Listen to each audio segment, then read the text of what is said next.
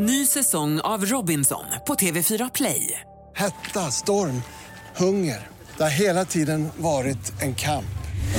Nu är det blod och tårar. Fan händer just nu. Det. är Detta är inte okej. Robinson 2024, nu fucking kör vi! Streama söndag på TV4 Play. Podplay.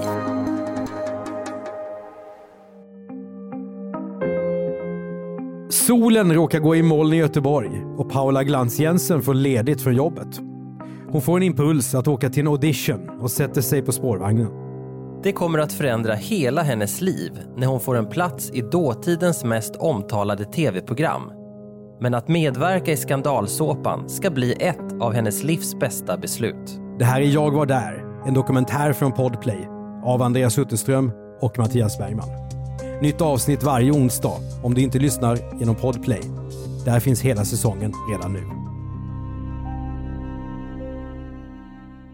Jag heter Paula Glans Jensen och år 2000 så klev jag in i första säsongen av Big Brother. År 2000 är Paula Glans Jensen 27 år och servitris i Göteborg. Hon är singel och lever ett socialt liv med krogen som arbetsplats och vardagsrum. Som många i hennes livssituation. Det finns ingen riktigt långsiktig plan, men tankarna på att skaffa en börjar formas. Det låter som att det är lite dags att bli vuxen här. Ja, men eller hur? 27 Ja, år ja. singel. Börja tänka på liksom, ska jag göra det här resten av livet? Hur får du veta att man eh, söker folk till Big Brother? Eh, Jag och en killkompis sitter hemma, kollar på TV och då kommer det reklam eh, för Big Brother på TVn.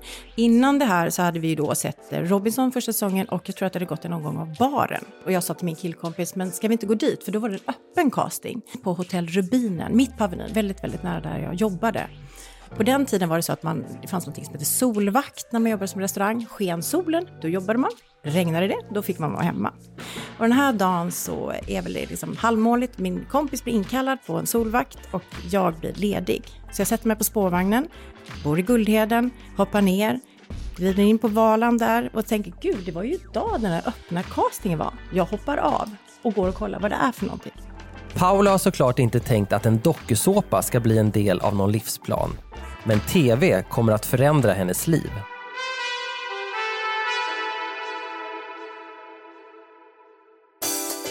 Låt oss först stanna lite vid vad reality-TV är vid den här tiden.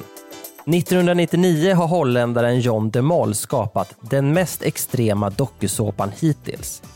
En grupp människor ska låsas in i ett hus i 100 dagar, övervakas dygnet runt och allt de gör ska visas på TV. Vad händer när deltagarna glömmer kameran och tappar sin sociala mask? Jo, Big Brother ser dig. När en deltagare i den holländska första säsongen får ont i munnen men väljer att få in en tandläkare i huset istället för att hoppa av, då vet John de Mol att han sitter på en succé. Big Brother blir Hollands mest populära program 1999. Och i Sverige köps formatet in av Kanal 5. Så jag slår mig ner och jag känner jag jobbar väldigt mycket, min tid är väldigt värdefull. Så då funderar jag så här, hur lång tid kommer det här att ta? Börjat så här, trumma lite på fingrarna så här, okej.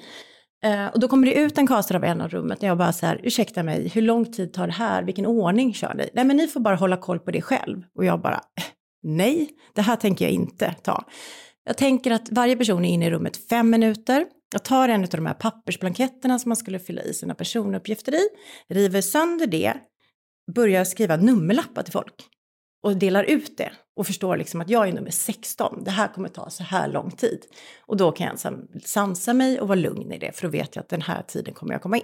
Men redan här gör du någonting som är viktigt i en casting, det är att du sticker ut. Så gör du det här med en baktanke eller är du bara dig själv när du gör egna nummerlappar? Här är jag helt novis hur en castingprocess går till, vad de är ute efter.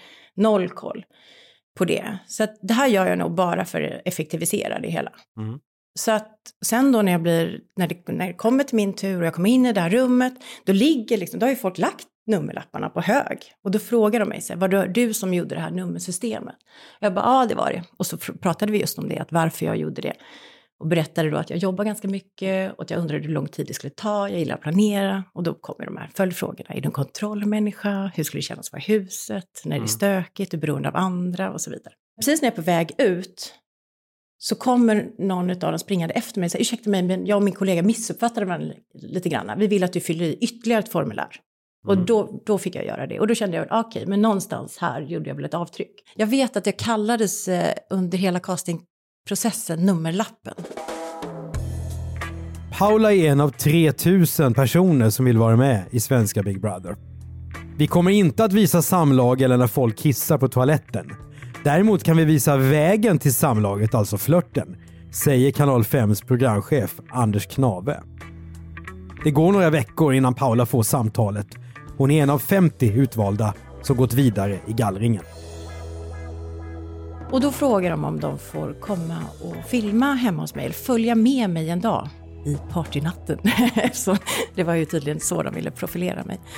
Mm. Eh, och då säger jag ja till det. Eh, och då när de ringer och berättar om det här personporträttet eller som de ska spela in, då säger de att du är faktiskt inte en av 50 utan du är en av 15. Alltså då kräktes jag. Jag var så nervös. Jag tror jag ringde min mamma hundra gånger. Eh, och så kom de på morgonen. Martina vet jag att hon hette hon hade träskor med kurbitsmönster. Eh, och så var det en fotograf och en ljudtekniker som följde med mig och mina kompisar liksom ut på mitt jobb och ut och festade på stan och så vidare. Och så där. Big Brother är en skandalsåpa som många sågar. Även innan det första programmet av den svenska versionen har sänts. Det larmas om att deltagarna kan få psykiska problem. Filosofer och forskare pratar om hur gränsen mellan det privata och offentliga suddas ut. Men de som vill vara med tänker nog mer på prissumman. 500 000 kronor.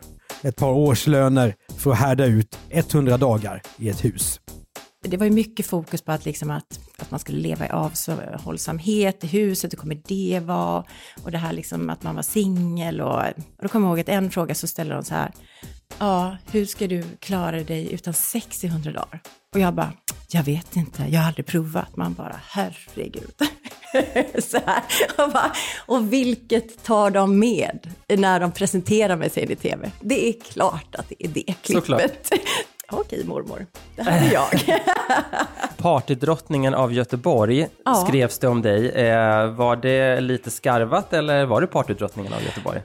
Det gick nog ut en del del eftersom vi jobbade på krogen. Så det var liksom det mitt liksom andra vardagsrum på något sätt. Att man inte ville gå hem.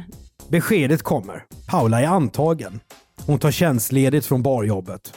Men så vacklar hon till lite grann. För det är ju skillnad på att vara med i en såpa som man känner till. Big Brother är någonting helt nytt och osänt. Vad är det egentligen som väntar henne? Jag tänker att eh, jag kommer bli uttråkad. Jag är också rädd för att bli dömd. Eh, jag kan också eh, känna att, ja men hur man framstår liksom på något sätt. Jag som då kanske är ganska van att röra mig ganska fritt och varit ute och rest och jobbat utomlands och nu ska jag stängas in på 90 kvadrat. Och ute i livet så väljer man ju de man blir umgås med och här sitter man ju då på något sätt i sammansatt grupp med folk man inte har valt själv. Kommer vi komma överens eller vem kommer jag bli i gruppen? Men vad känner du att du har för stämpel på dig då? Är det partytjejen det här? Absolut, jag är mm. ju den liksom uh, out and about och i den åldern och jag är singel och liksom. Mm. Nu bygger Kanal 5 Big Brother-huset.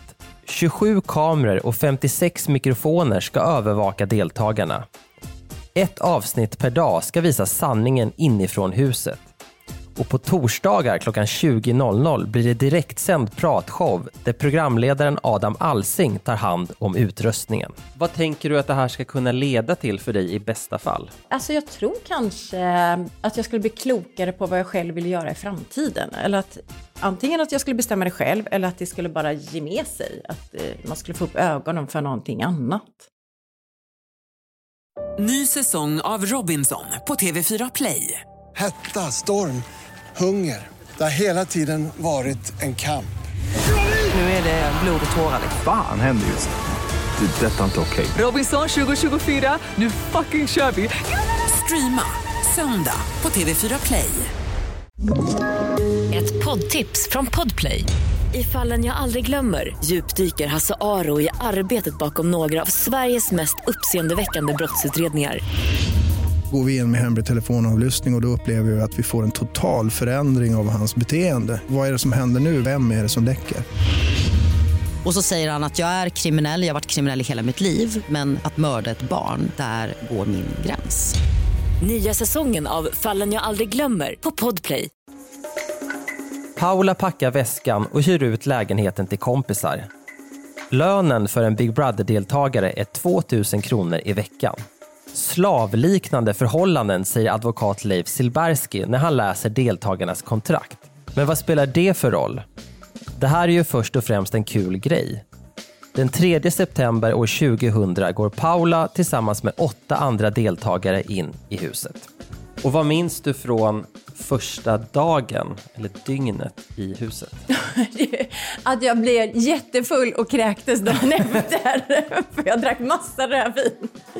Jag tror att vi tyckte att huset var fint och fräscht då. Eh, det är ganska mycket ljusa trämaterial.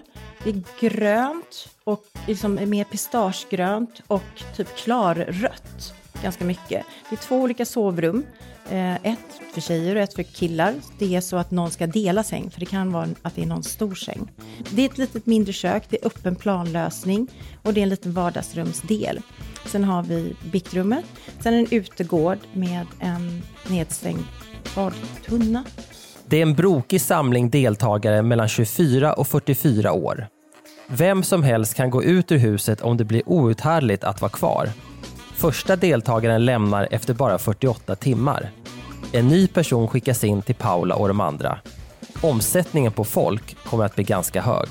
Ditt intryck av eh, dina Big Brother-kollegor då, till en början? Ja, men, första dagen, då tror jag att man tyckte att det var härligt att det var en blandad grupp. Eller liksom, eh, men jag tror att det kristalliserade sig ganska snabbt. Så här, att det var ju en person som lämnade tidigt. Så att, att det snabbt liksom ändras, konstellationen. Olika åldrar, att vi hade olika liksom, relationsstatus och vissa hade barn. Eh, ja, lite mer olika sexuella läggningar. Alltså att det var lite mer mixat så. Kanske Mm. olika delar av landet var det lite grann i alla fall. Jag kommer från Göteborg, vi hade någon från Dalarna. Ett sammandrag av veckans händelser. Vad är det vi ser här Paula? Ja, det är Per Holknekt eh, som har värmt upp bastupoolen, eller poolen som vi hade. Som har blivit varm. Och sen är det jag och Kristoffer som hånglar. Angelica gråter. Angelica gråter, det gjorde hon väldigt mycket där inne. Men det var kul. Det var en möjlighet att Eh, umgås med människor jag kanske inte hade valt då. För att Big Brother inte bara ska handla om det sociala spelet mellan deltagarna för man också in tävlingsmoment genom ett antal uppdrag. Vi hade till exempel, en vecka fick vi in massa kaniner som vi skulle lära kaninhoppning. Ja, då dödshotar djurvänner tv-produktionen. Eh, En vecka så skulle vi göra ett radioprogram som vi skulle sändas. Vi skulle lära oss jonglera. Eh, Ja, vi skulle sjunga. Mm, I huset spelar man in poplåten Mediahora och den kommer att sälja guld. Men tiden i huset, den är så... Alltså den är så lång, så när man gör någonting på förmiddagen, det som händer på kvällen känns som man gjorde i förrgår. Och medan kritikerna diskuterar George Orwells 1984 och övervakningssamhället så glömmer Paula väldigt snabbt alla kameror som följer henne från soffan och köket till sängen och badrummet. Det blir helt enkelt vardag, även inne i Big Brother-huset. De flesta har ju en larmövervakning idag där det sitter kameror i trädgårdar över dörrar. Om det är någon som gång tänker, tänker så här, oj, är det någon som har hackat in här och kan kolla på mig när jag ligger och solar i bikini vid poolen? Jag tror inte någon tänker så. Så det där försvinner ju lite ganska snabbt. Det som såg ut som det största hotet, att bli utröstad ur tävlingen, visar sig inte vara det värsta. Deltagare faller ifrån lite nu och då. Jag tror att det som tar mest på en är mörkret. För att vi kliver in i Big Brother-huset 2 eller 3 september. I mitten av oktober, när solen knappt visar sig, ökar pressen. Mörkaste tiden, det är deppigt, det regnar, det är liksom ingenting, det är inte ens snö. Då börjar jag tycka att nej, gud. Och så tar man liksom ett djupt andetag och bara, gud, okej, nu har jag klarat hälften, nu är det bara, nu är det nedförsbacke. Jag har nog aldrig lagt så mycket patiens i hela mitt liv. Många har ju haft med sig en bok in som man har liksom plöjt igenom det vi gör är ju att pratar och pratar och pratar och pratar och lär känna varandra. En egenskap som jag trodde jag hade som jag märker i huset att jag inte har. Och det är att jag är lite mer konflikträdd än vad jag trodde att jag var. För det är jag inte i, alltså med mina vänner är jag Mm. inte det. Men jag märker att jag är det där. På vilket sätt? Men alltså, för jag tror att vi har två stora starka personligheter i form av Angelica och Per. Så jag tror att då backar jag liksom. Ja, men kanske att jag är lite tråkig kanske jag tänker. Att jag inte är så kul som jag själv tyckte att jag var när jag klev in. Skandalerna i Big Brother är förvånansvärt få under den första säsongen. Men varje dag måste kvällstidningsreportrarna leta fram någon oväntad vinkel. För läsarna älskar programmet. Paula kan flyga en del under radarn, men kommer inte undan helt. En liten skandal ska det bli när hon bär en tröja med ett ökänt MC-gängs logga. Berätta om BSK Wolfpack-tröjan. Det var en kille som jag hängde med eh, innan. Som var med i någon klubb som hette Wolfpack. Eh, så, och så fick jag hans tröja. Men har du tagit med den in för att du vet att den här kommer väcka uppseende? Nej, jag tror att jag bara fick den av, av honom liksom. Mm. Jag får, kan inte jag få din tröja liksom?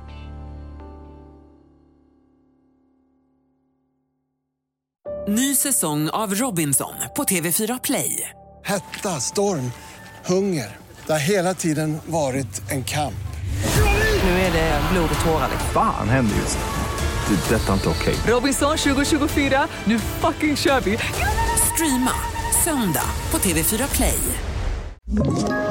Ett poddtips från Podplay. I podden Något Kaiko garanterar östgötarna Brutti och jag, Davva, dig en stor dos skratt. Där följer jag pladask för köttätandet igen. Man är lite som en jävla vampyr. Man har fått lite blodsmak och då måste man ha mer. Udda spaningar, fängslande anekdoter och en och annan arg rant. Jag måste ha mitt kaffe på morgonen för annars är jag ingen trevlig människa. Då är du ingen trevlig människa, punkt. Något Kaiko, hör du på Podplay. Därför är gardinerna. Dagarna går. Varje vecka nominerar deltagarna i huset två i gänget som riskerar att åka ut. Under torsdagens livesändning röstar tv-publiken ut en av dem. Man fick ju inte då pakta och de hörde ju allt vi, vi sa.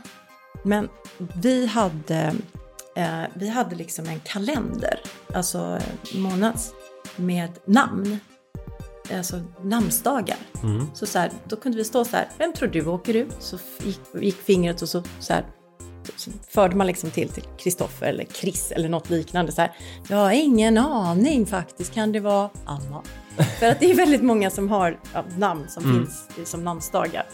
Att man hade någon då där inne i huset som man liksom typ här, nämnde ungefär vem man skulle rösta på. Och hur viktigt är det för dig att vinna? Jag har ju växt upp där jag inte har direkt tävlat i liksom sporter eller så vidare. Och tänkte att jag inte var en tävlingsmänniska. Det lärde jag ju känna mig själv. Jag var ju en sjuk tävlingsmänniska. Jag ville ju till varje pris vara kvar i huset. Var det pengarna eller något annat? Då där, man ville liksom bara vara omtyckt. Populär, ungefär som att man liksom var poppis i skolan. Jag vet inte. Att man är en bra person. Den uppskruvade dramatik som kritikerna har bävat för, den kommer på skam i Big Brothers första säsong 2000. För verkligheten är segare än man kan tro. Hur intresserad av människor man än är. Men nu ska något hända som gör att Paula skriver in sig i reality-tv-historien. Kristoffer kommer in. Ja, gud. Kristoffer kommer in med liksom lite dunder och brak. Jag hade väl egentligen ett bra första intryck av honom, men som hmm, förändrades med tiden. Nu är inte jag så bekant med stockholmare och de ungdomarna som fluerar på Stureplan. Alltså nej, den personlighetstypen här, liksom skrävleriet och liksom eh, passar inte riktigt mig. Det är en stekare som kommer in Ja, alltså. precis. Mm. Visste jag ju knappt vad det var då, Nej. säga. men nej, det gick inte, alltså föll inte mig alls på läppen liksom. Tyckte inte att, nej men lite oskön liksom. Och när ändras det? Kristoffer kommer till, ska vi se, Kristoffer åker ut efter fyra veckor. Kommer tillbaka sen efter ytterligare fyra veckor då vi har ytterligare en person som lämnar huset frivilligt. Och då min första reaktion är så här, är du så dum så att du kommer hit liksom och blir utrustad två gånger? För du har varit med och röstat ut. Jajamensan. Kristoffer Jensen blir ett hot.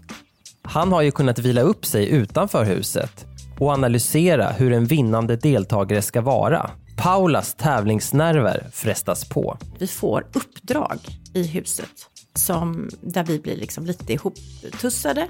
Och då märker jag att, att vi är ganska bra på att samarbeta. Också att jag märker att han gör saker för mig som är väldigt enkla. Han gör liksom en frukostmacka, liksom det är så här små grejer som, som trillar på plats, som, som jag uppmärksammar. Som jag tycker om med honom. Så han är annorlunda den här gången? Det tycker jag absolut att han är. Vi får också ett uppdrag då, det här är ganska sent, då får vi, när vi ska ta hand om bebisar, alltså sådana här låtsasbebisar som är, man måste mata och byta blöja på, de skriker liksom, de kan skrika i 45 minuter. Och jag är då fortfarande servitrisgenerna och morgontrött som, som bara den liksom. Han, då märker man så här att han studsar upp på liksom natten och står och vaggar den här bebisen, Han går upp på morgonen och matar den. Den här låtsasbebisen då. Och då känner man så här, oj, nu börjar det verka lite i äggstockarna.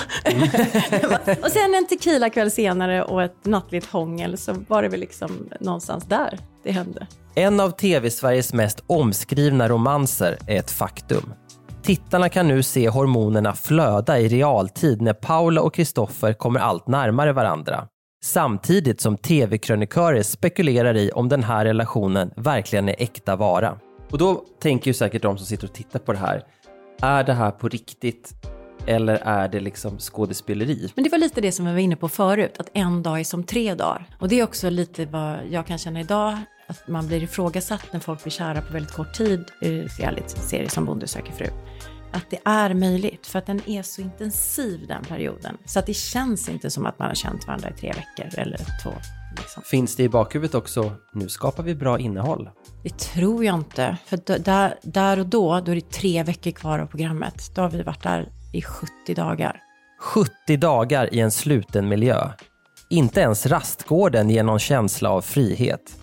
Det är helt enkelt väldigt, väldigt långtråkigt. Jag gled ju egentligen genom programmet ganska nice. Med tanke på att jag blev ju inte nominerad. Jag klarade mig oerhört länge på att inte bli nominerad.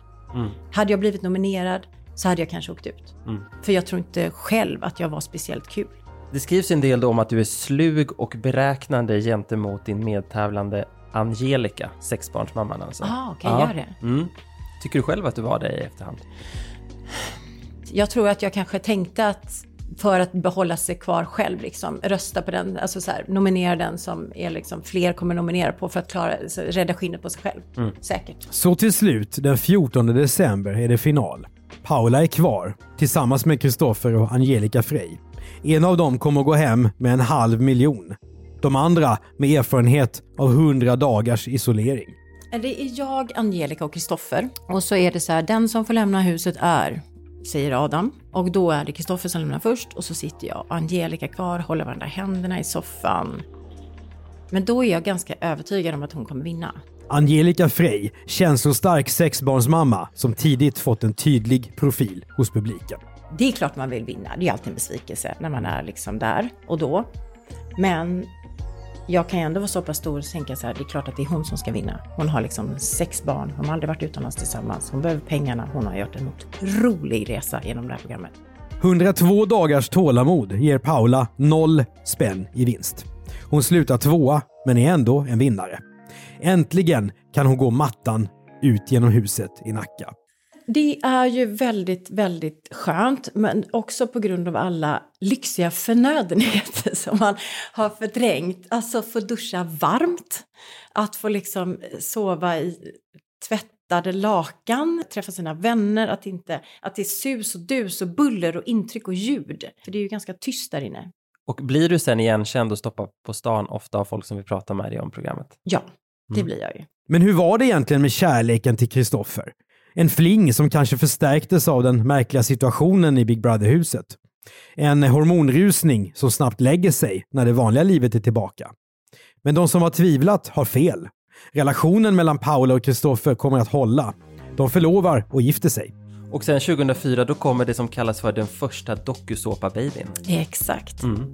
Varpå då hon blev döpt till Juni, som mm. den här bebisen hette, som vi hade som uppdrag. Dokusåpan är 2000-talets stora format och debatten fortsätter.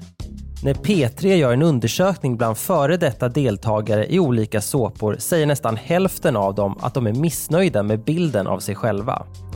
Men bara en av fyra skulle nobba att ställa upp i reality-tv igen. Rubrikerna om deltagare som sökt psykologhjälp eller mobbats i programmen är många.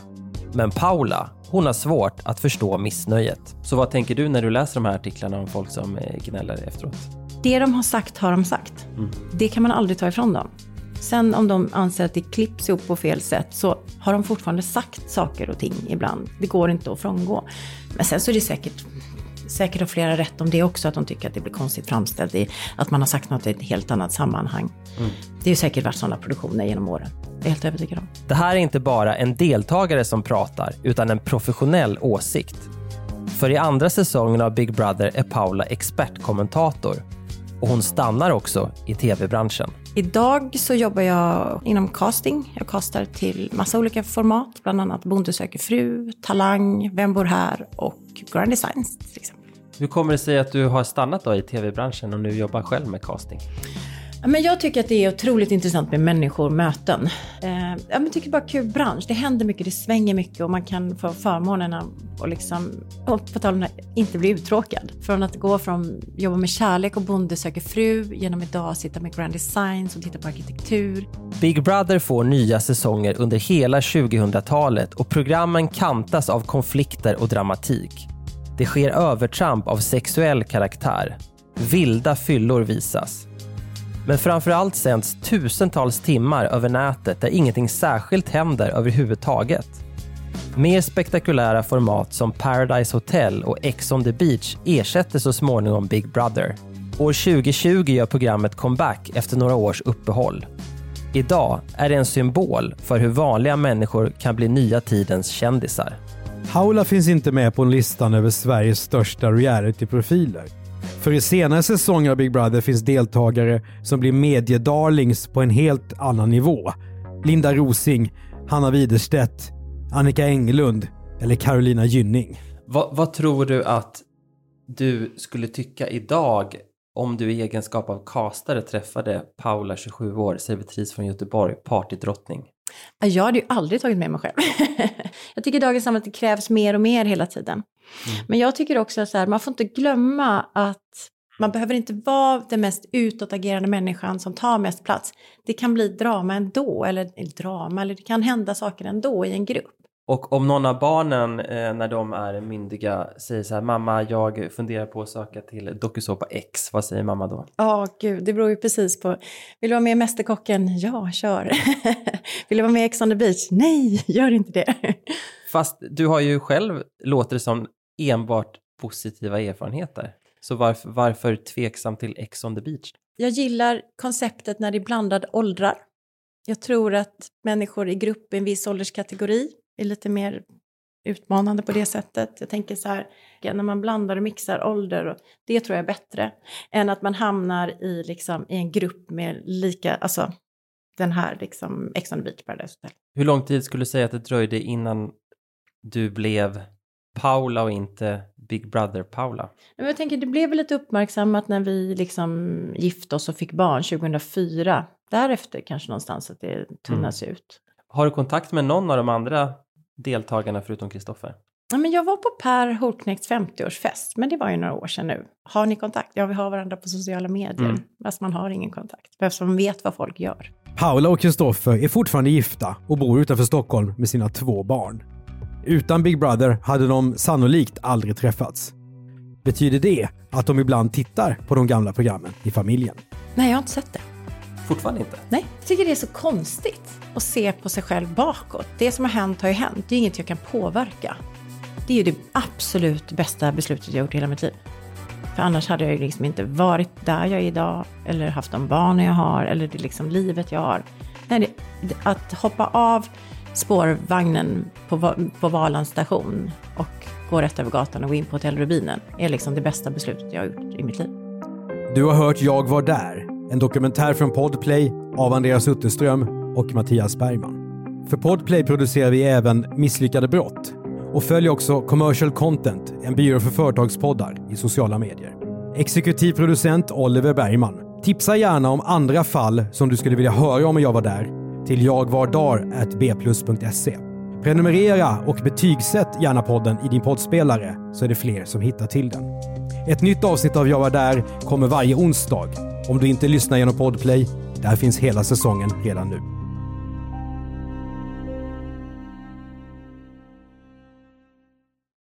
Ny säsong av Robinson på TV4 Play. Hetta, storm, hunger. Det har hela tiden varit en kamp.